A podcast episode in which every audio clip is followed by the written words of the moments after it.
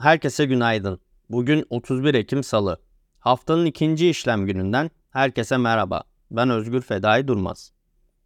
Ekonomi Koordinasyon Kurulu, Cumhurbaşkanı Yardımcısı Cevdet Yılmaz Başkanlığında toplandı. Toplantı sonrası yapılan açıklamada, uluslararası kuruluşlardan sağlanan kredi niteliğindeki dış finansman kaynakları hakkında değerlendirmeler yapıldığı belirtildi. Bu kaynakların taahhüt edilmesinden sonraki süreçte daha etkin kullanımına yönelik yapılabilecek çalışmaların ele alındığı kaydedildi. Açıklamada para ve maliye politikalarının etkin kullanılarak enflasyonla mücadelenin kararlılıkla sürdürüleceği vurgusu yapıldı. Dün aylık BDDK verileri açıklandı.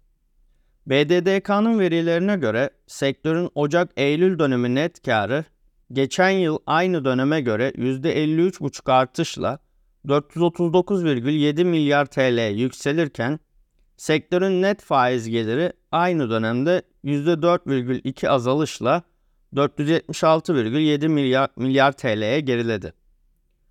BIST 100 endeksi haftanın ilk işlem gününü %0,08 oranında yükselişle 7712 seviyesinde tamamladı. Dar bantta hareket eden endeks gün içinde en yüksek 7786, en düşük 7660 seviyesini gördü. En çok kazandıran sektör %4,8 ile turizm olurken en çok düşen sektör %2,05 ile iletişim oldu. Vade sonuna yaklaşılması nedeniyle endekste yüksek volatilite görülebilir.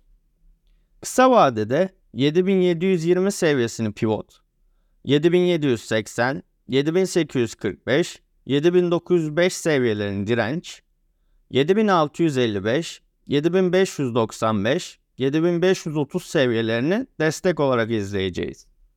Dolar bazlı 276,6, 278,9, 281 seviyeleri direnç, 272,1, 270, 267,7 seviyeleri destek olarak takip edilecek.